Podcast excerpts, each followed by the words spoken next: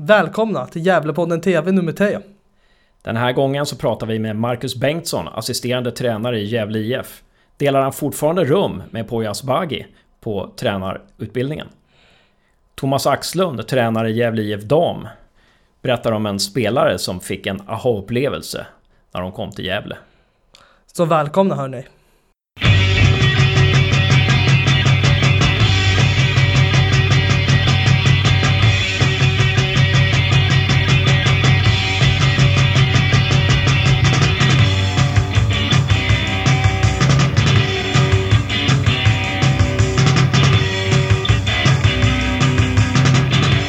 Ja, välkomna till Gävlepodden TV nummer 3.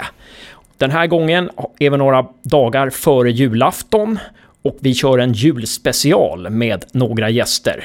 Först ut är eh, Marcus Bengtsson och Thomas Axlund, tränare i Gävle IF. Men innan vi presenterar dem så kan vi börja med att jag presenterar mig. Jag heter Hasse Carstensen och bredvid mig sitter som vanligt Josef Carstensen. Yes. Jag vet inte, du tog min presentation så jag har ingenting att säga nu. Vad önskar du i julklapp?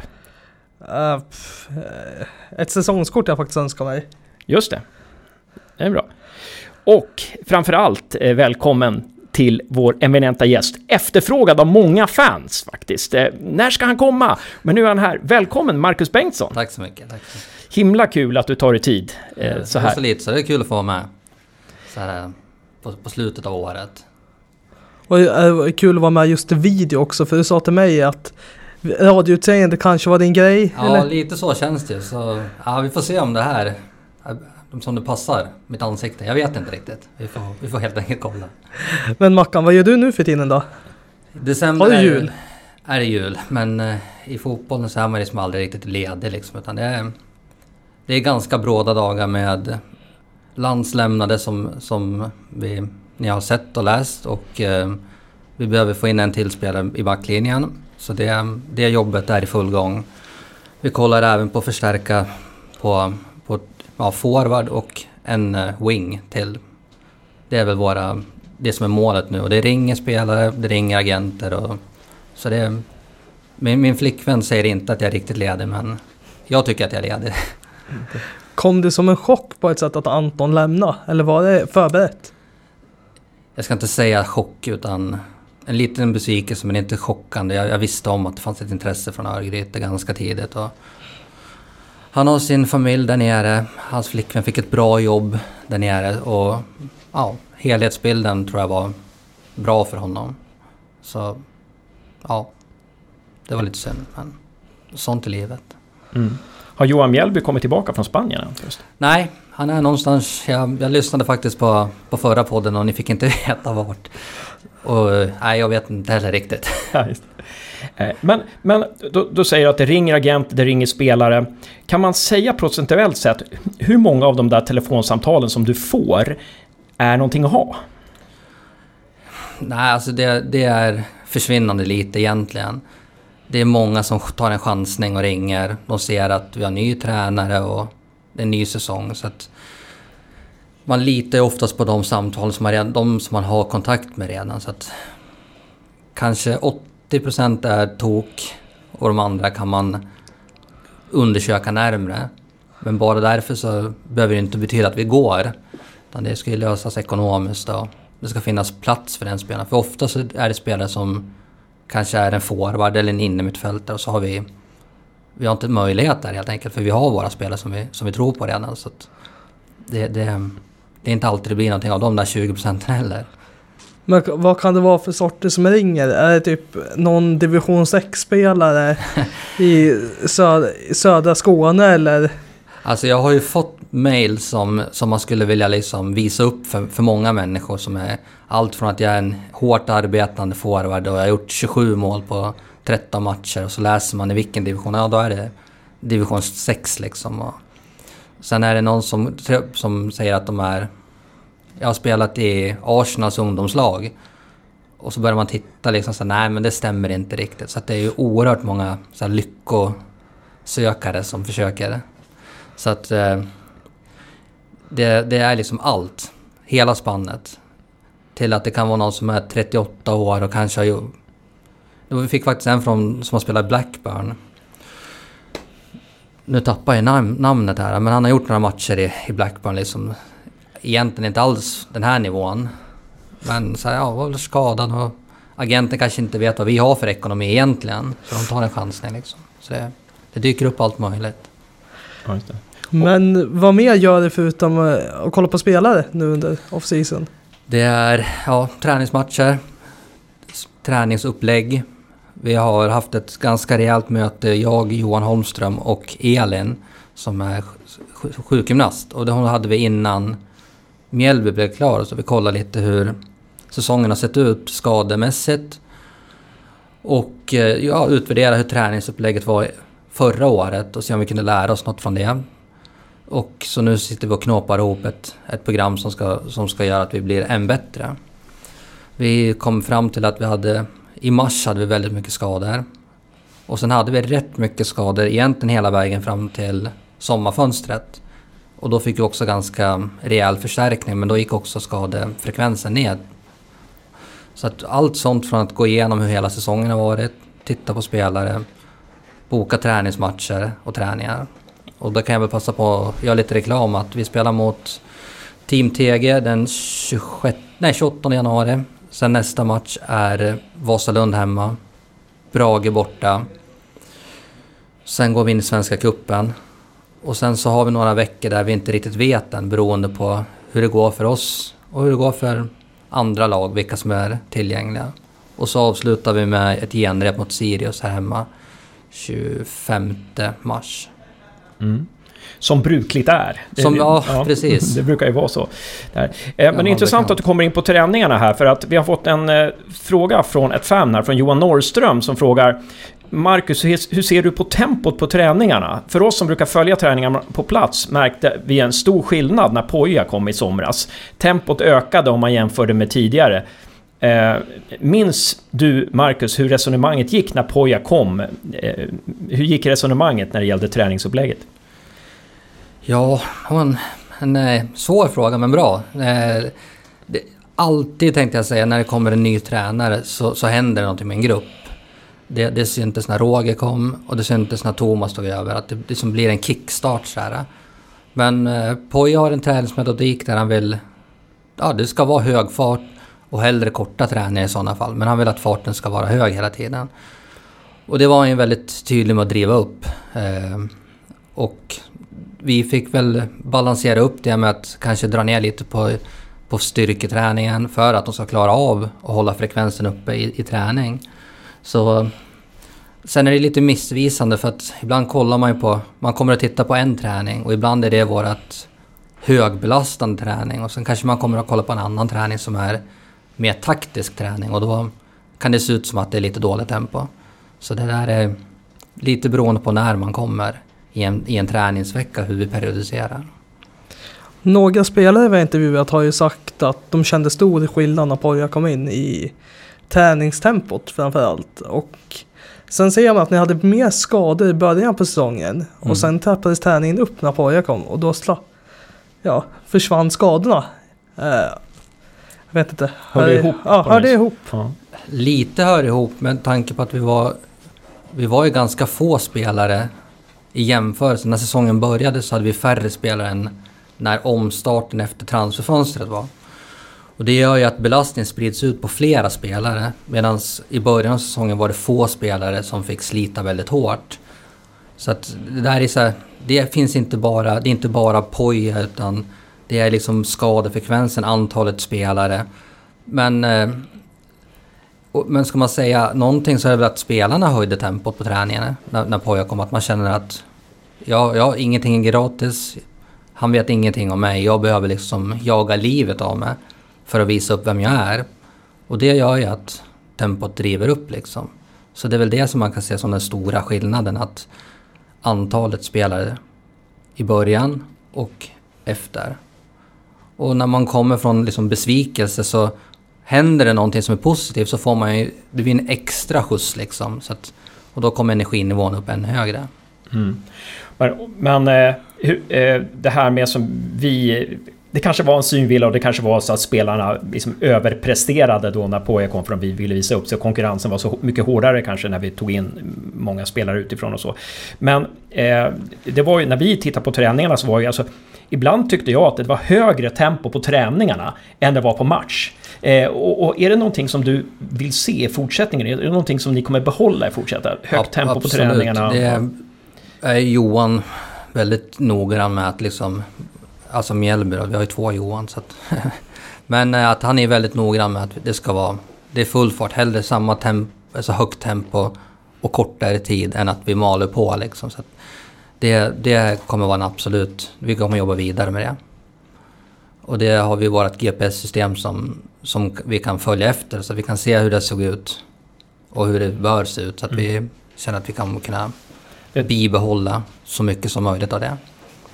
För det kändes ju verkligen då att när Poja kom att Eh, och det, det, och det kanske också bara min tolkning, men det kändes ju som att ni tränade på matchliknande situationer. Ni tränade på nya moment hela tiden, som ni också praktiserade i matcherna.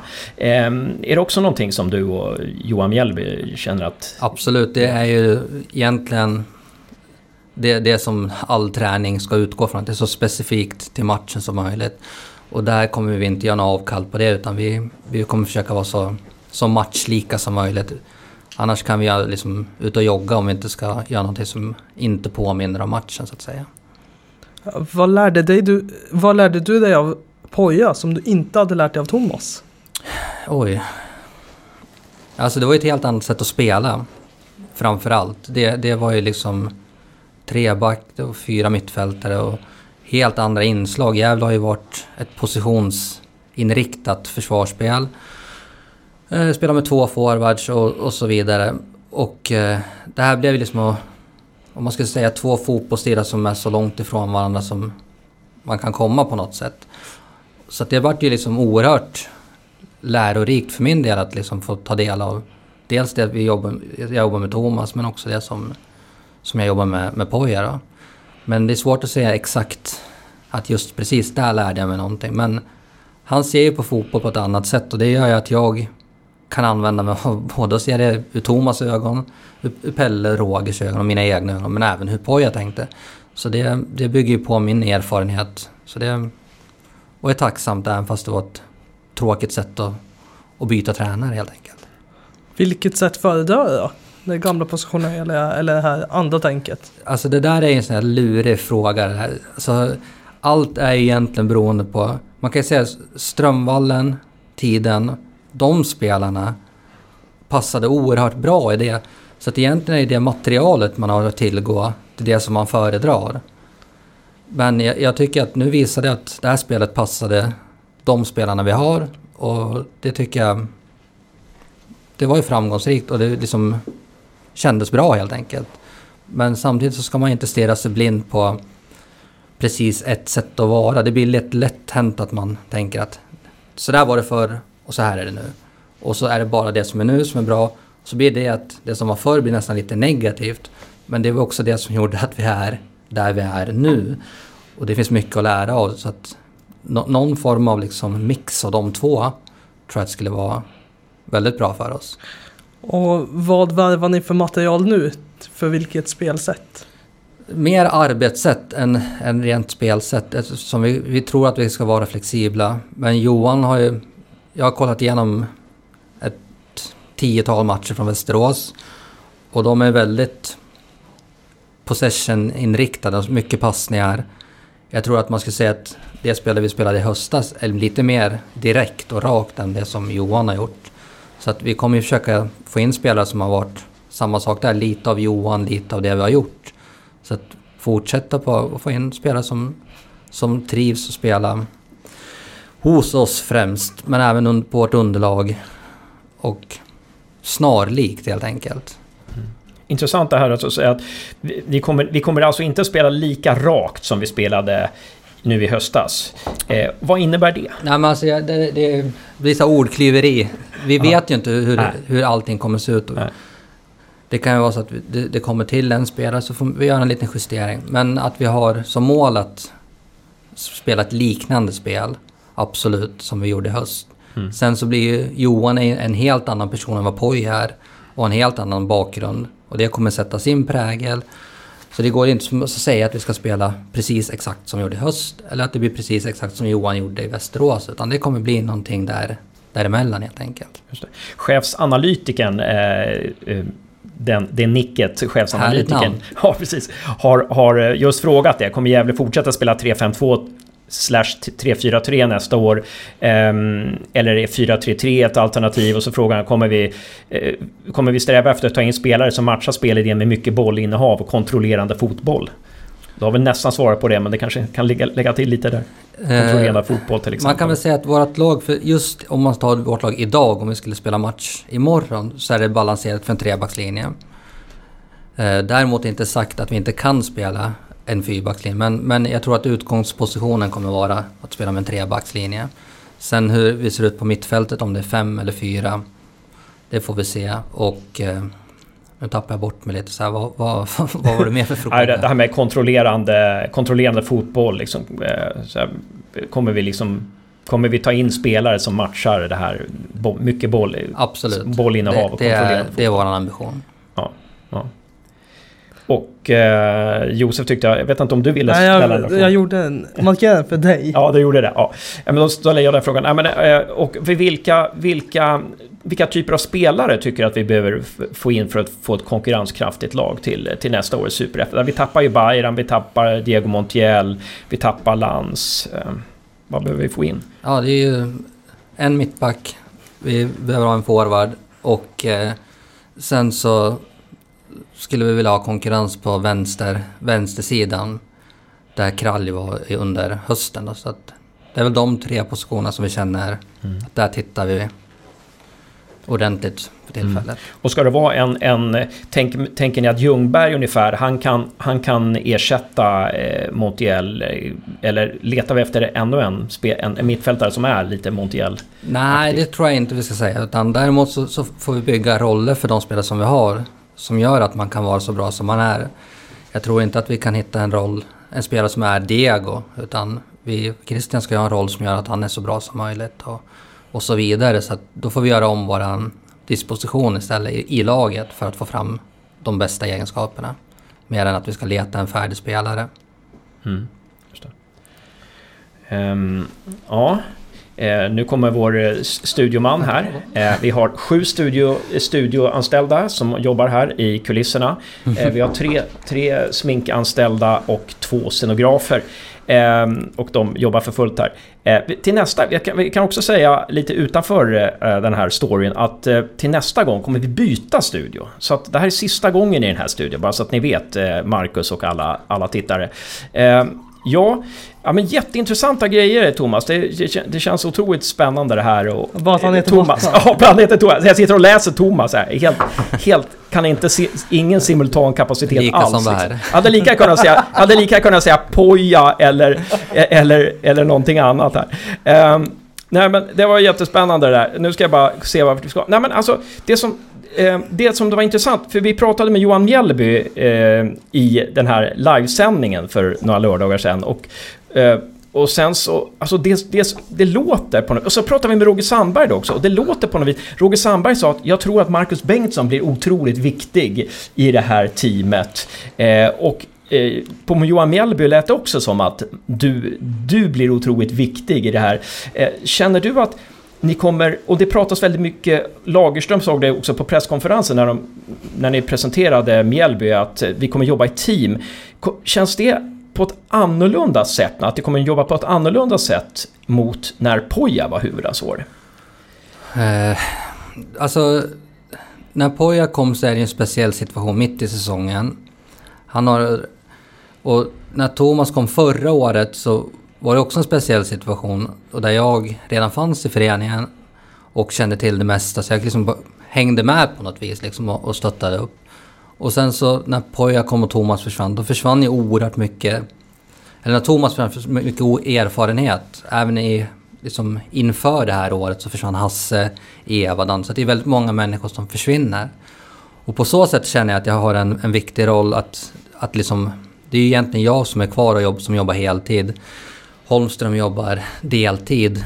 Så att det blir viktigt för mig att förmedla det som har varit bra Men också för att Johan ska få en snabb och smidig övergång liksom, så att han förstår ja, men vad, vad alla funktioner är, hur, hur vi har tränat och vilka hjälpmedel det kan vara. Sen så ska man inte glömma att liksom Elin har gjort ett jättejobb med, med liksom laget. Från att vi kom från att ha haft oerhört mycket skador till att i vår viktigaste period när vi var som mest utsatta ha ett helt, i stort sett skadefritt lag. Vilket också gjorde att vi kunde spela med bästa laget igen och igen och igen. Och det räckte till att hålla oss kvar också. Och Johan har ju också enorm erfarenhet, så att, alltså Holmström, så att, viktigt att påpeka vem som är vem. Mm. Med, med fysupplägget som vi har jobbat med under väldigt, väldigt många år och jobbat fram en modell som håller väldigt hög klass. Nu ska jag säga att man sticker ut hakan så håller en hög allsvensk klass. Så på så sätt blir teamet oerhört viktigt. Sen många år tillbaka så var ju Pelle huvudtränare och det varit mycket fokus på honom. Och när Poja kom så, så blev liksom för er utifrån så är fokus på Poja liksom på något vis. Men teamet har ju fortfarande jobbat lika hårt och alla har varit lika viktiga på något sätt ändå. Så att egentligen blir det inte någon jättestor skillnad tror jag, utan det är mer att vi har förstått att teamet är väldigt viktigt eftersom vi har bytt huvudtränare flera gånger på ganska kort tid. Mm. Um, men, och sen så har jag också fått det är jätteintressant. Men jag har också fått så här... Jag har ju pratat med Urban Hammar, jag har pratat med Lagerström, jag har pratat med Johan Mjällby. Och det känns på något vis som att... Det här kanske bara är en inbildning, men att du och Johan Mjällby har synkat rätt bra på den här Pro, Uefa Pro License-kursen som ni går, eller? Jo, men absolut. Det vart ju Poja också liksom så här, vi synkar. Ja. Som det är ju ja. jag, Poja, Per, Urban, Roger. Så att hela klassrummet är ju halvt giffare.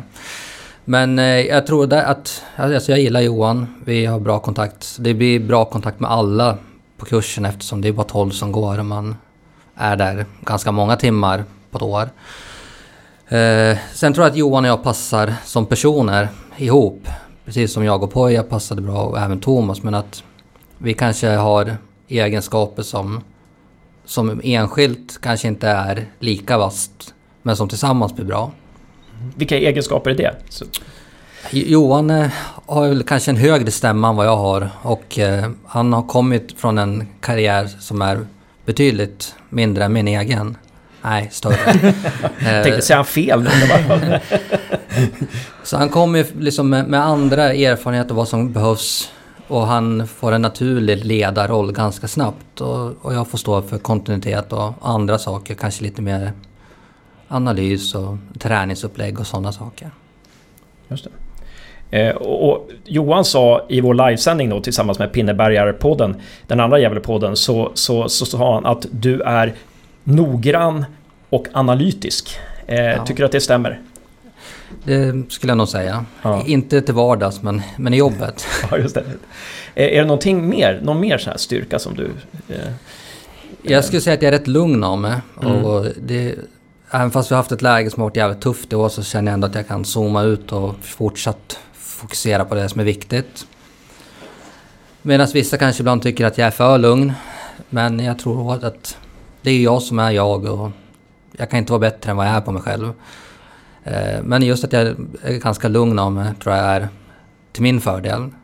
Sen så är jag väldigt intresserad och nu när man går kursen får man ju lära sig oerhört mycket så att det är väl de sakerna jag känner att jag är, är bra på helt enkelt. Ja, just eh, Josef? Jag tänkte ta en fanfråga från Nyfiken Blå. Jag vet inte hur lång tid vi har kvar med dig, så jag passar på att ställa en. Eh, nyfiken, Blå frågar, då min insyn i U-lagen är rätt skrall och du som tidigare jobbat i akademin. Finns det några flera spännande spelare än ovan näm som är nämnd som kan slåss om en A-lagsplats? i truppen. Eller ja. Ovan nämnda, då menar han Melvin, för han har nämnt Melvin i sitt okay. mejl här också. Uh, han, han, vilka förväntningar kan vi ha på Melvin också då? Så vi kan ju baka in honom i frågan. Ja, vi tar det och gör det.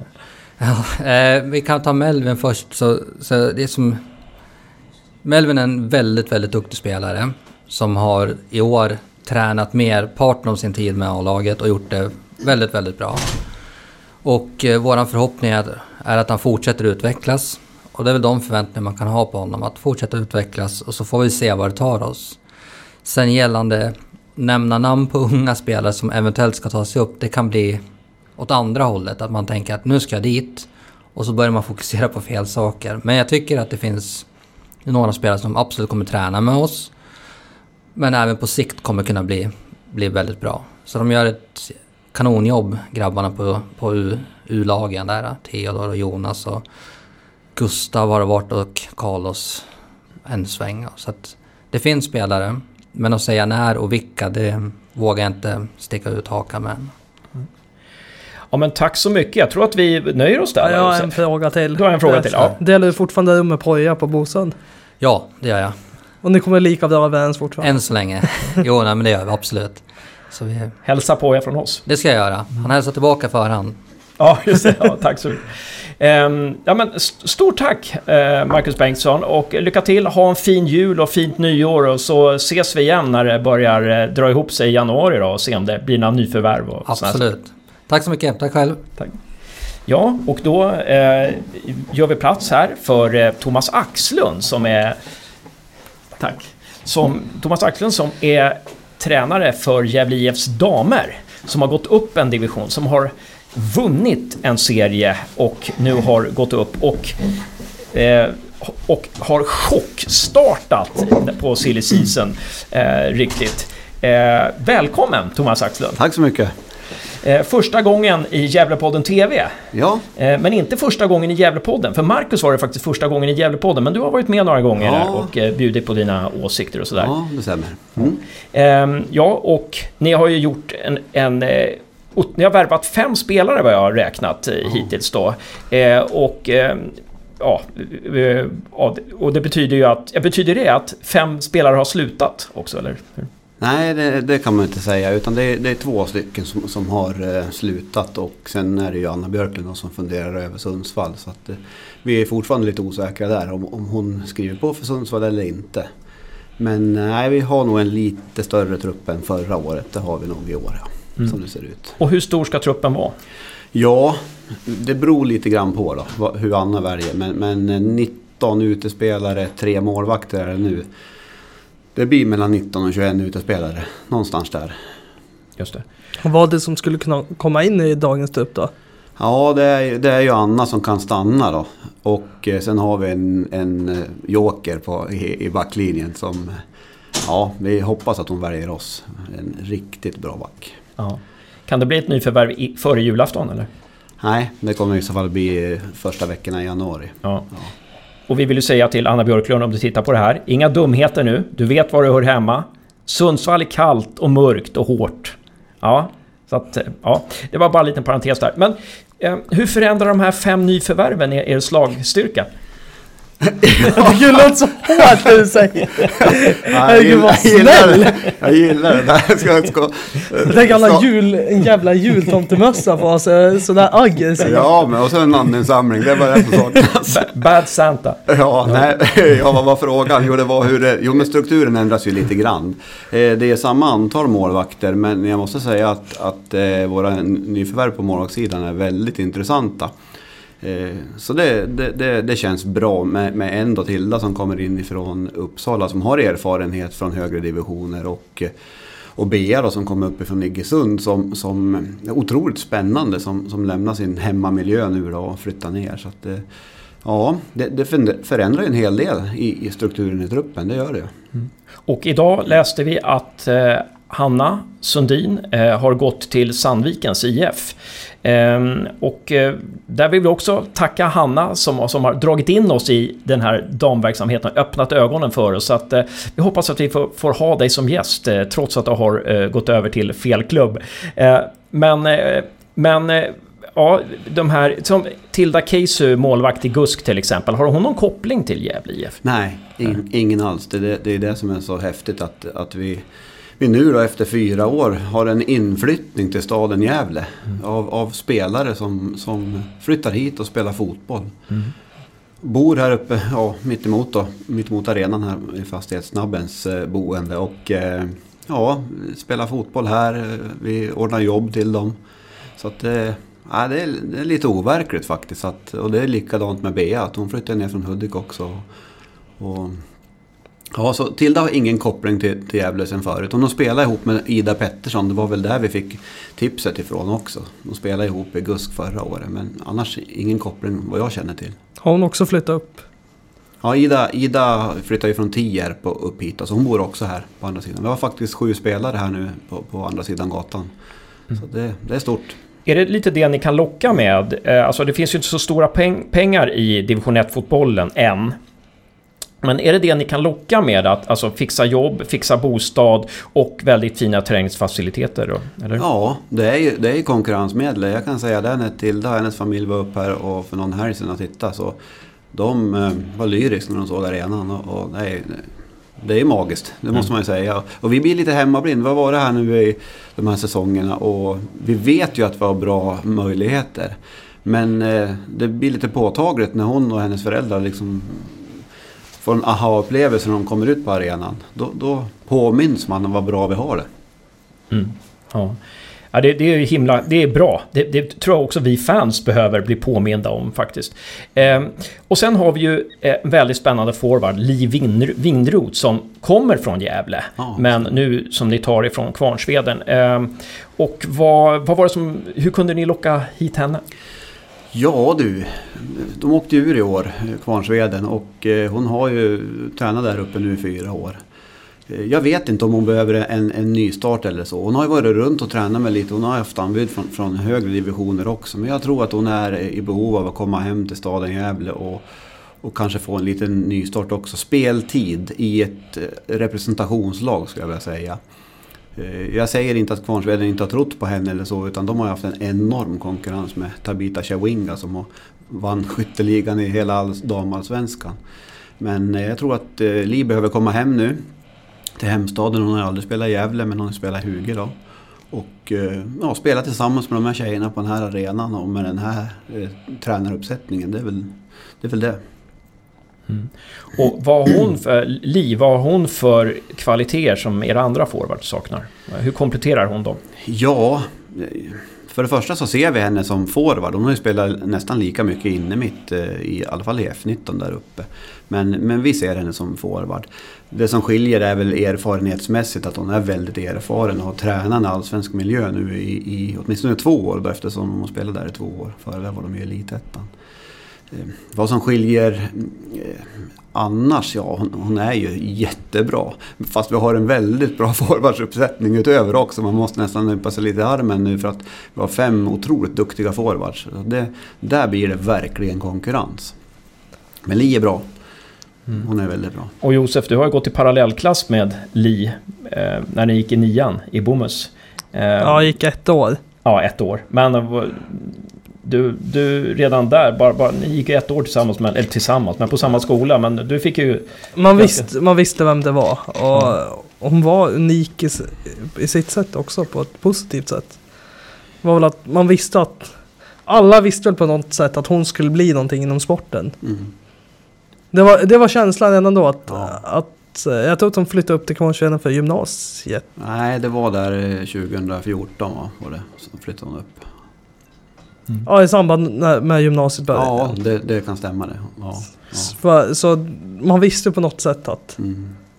hon, hon kommer bli någonting förr eller senare. ja, ja. Och, och, sen, jag trodde väl inte att Gävle IF just då skulle ha en chans, som inte hade en riktigt startad sektion, skulle ha en chans att värva in henne några år senare. Och sen så är det Nej, ju, då Nej. kändes det nog eh, väldigt långt. För jag vet, inte- vi hade ju inte ens startat det här laget när hon försvann till Kvarnsveden. Så att det, det var väldigt långt ifrån. Det fanns ju ett flicklag då, Flickor 98. Hon är ju också född 98, Lis. Hon har ju mött, de här tjejerna har hon ju mött och eh, spelat tillsammans med i distriktslaget Flickor 98.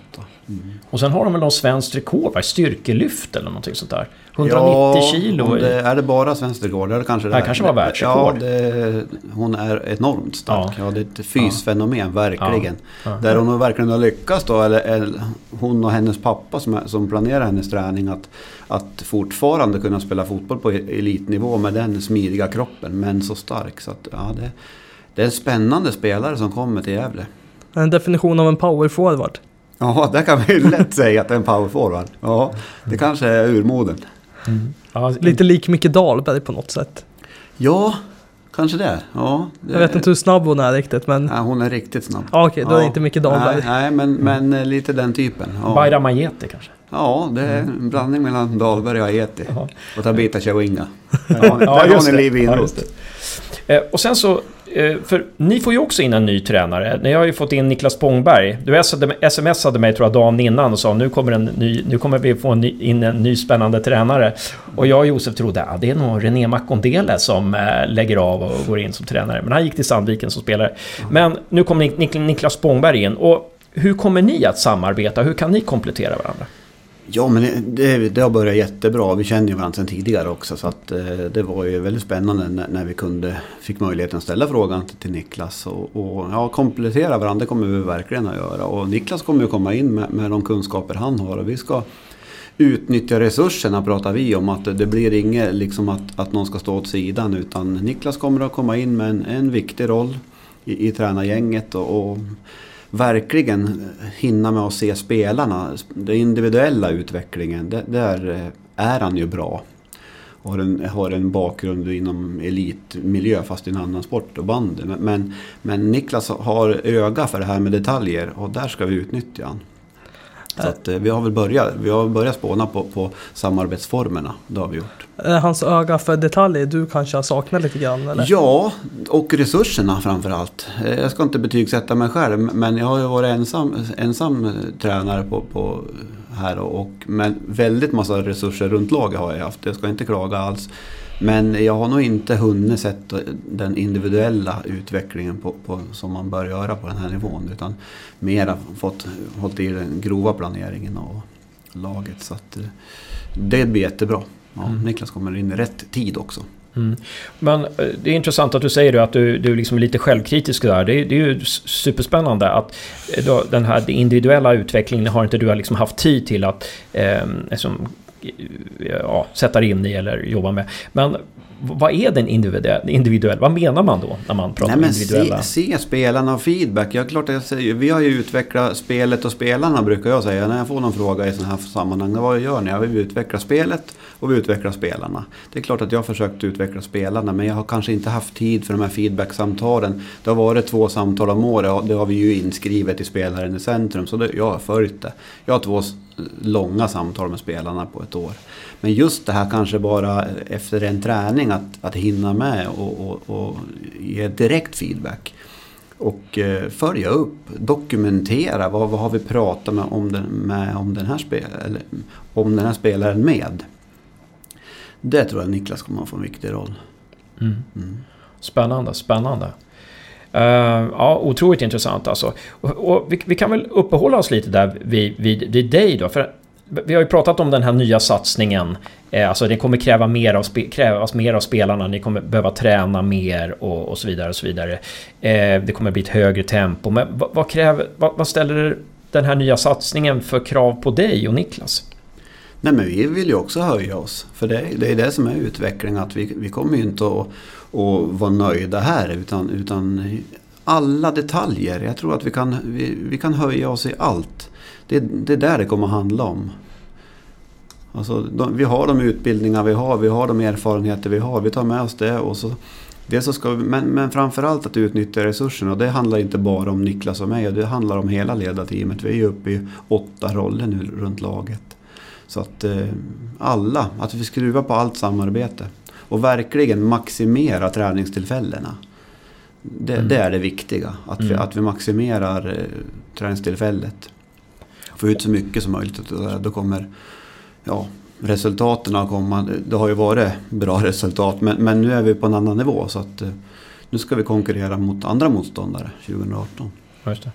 Om man jämför med det som har hänt i laget ni, nu, det lag ni har nu, den, den, den stab ni har kring laget nu. Om man jämför med samma tid förra året, strax före jul förra året. på vilket sätt, vilken, vilken är skillnaden? Ja, men det, vi är starkare nu. Det, det, det ser man ju. Ja, men vi, vi kommer in med, med två helt nya forwards. Jossan kommer, Josefin Blom kommer in och, och eh, spetsar till det på mitten också med, med det vi får in mera konkurrens. Och det gör ju att eh, nej, det, det ser riktigt bra ut faktiskt. Och så med Niklas och, och, lite nytt på sidan också. Så. och, och ett, ett år äldre. Precis. 200 träningar sen Ja. vi, det, vi räknar ihop och vi ligger mellan 200 och 230 aktiviteter på ett år ungefär. Så vi har lärt oss någonting under 2017. Ja, precis. Och man, om man ska prata om målsättning då. Eh, alltså det kanske inte ni vill göra, men kan man inbilla sig att ni satsar på att bli ett eh, stabilt division 1-lag för att sedan klättra i divisionerna eller hur? Eller, ja. Ja, jo men absolut. Nå någonting stabilt, eh, det vill vi ju. Alltså vi skapa uthållighet för någonting hållbart. Framförallt att det här är ingen eh, dagslända utan vi vill att det här ska hålla i i många år till. Med, så att de här 300 flickorna som spelar uppe på Sörby IP har någonting att sikta mot och, och kanske nå eliten en dag. Så att, eh, men eh, rent konkret 2018, ja det är klart att vi vill vi vill komma så högt upp som möjligt i tabellen men bygga ett spel som håller. Utveckla vårt spel. Men vi, vi, jag kan inte säga någon, någon tabellplacering idag, det kan jag inte göra. Det, det har vi inte som, som mål just nu heller utan vi har ju inte, vi har inte träffat nya truppen. Så vår befintliga trupp, de har ju inte träffat Tilda och Li. Tilda och Li kom in nu under uppehållet så att vi, vi ska ju återstarta nu i mellandagarna. Då får vi ju träffas och sen så lägger vi väl upp planen, alltså målsättningar någon gång i januari tillsammans med spelarna. Mm. Och det kanske kan bli en målsättning som ni håller inom laget och utåt så kanske ni Ja. har en annan attityd. Ja, vi var ju rätt bra på det 2017. Vi hade ju en intern målsättning och, och ja, den håller vi för oss själva. Men sen så, det är klart att vi ska vara eh, lite offensiva utåt också. Och det, det kommer, vi kommer inte att bli någon blyg nykomling. Absolut inte. Och vi kommer inte att ligga bara på försvar eller någonting sånt. Utan vi ska, vi ska spela fotboll och, och en glad offensiv fotboll som vi gör framförallt på hemmaplan. Det är vår målsättning. Sen kan ju motståndet ställa till det. Man har alltid en målsättning när man kliver ut i match. Att ja, idag ska vi vara offensiva. Antingen har man scoutat jäkligt dåligt eller också är motståndarna så bra så att de trycker ner och så, då är det som det är. Mm. Då får vi ställa om. När startar serien? Andra helgen i april tror jag. Den startar. Mm. Så att vi har eh, bokat in ett genrep.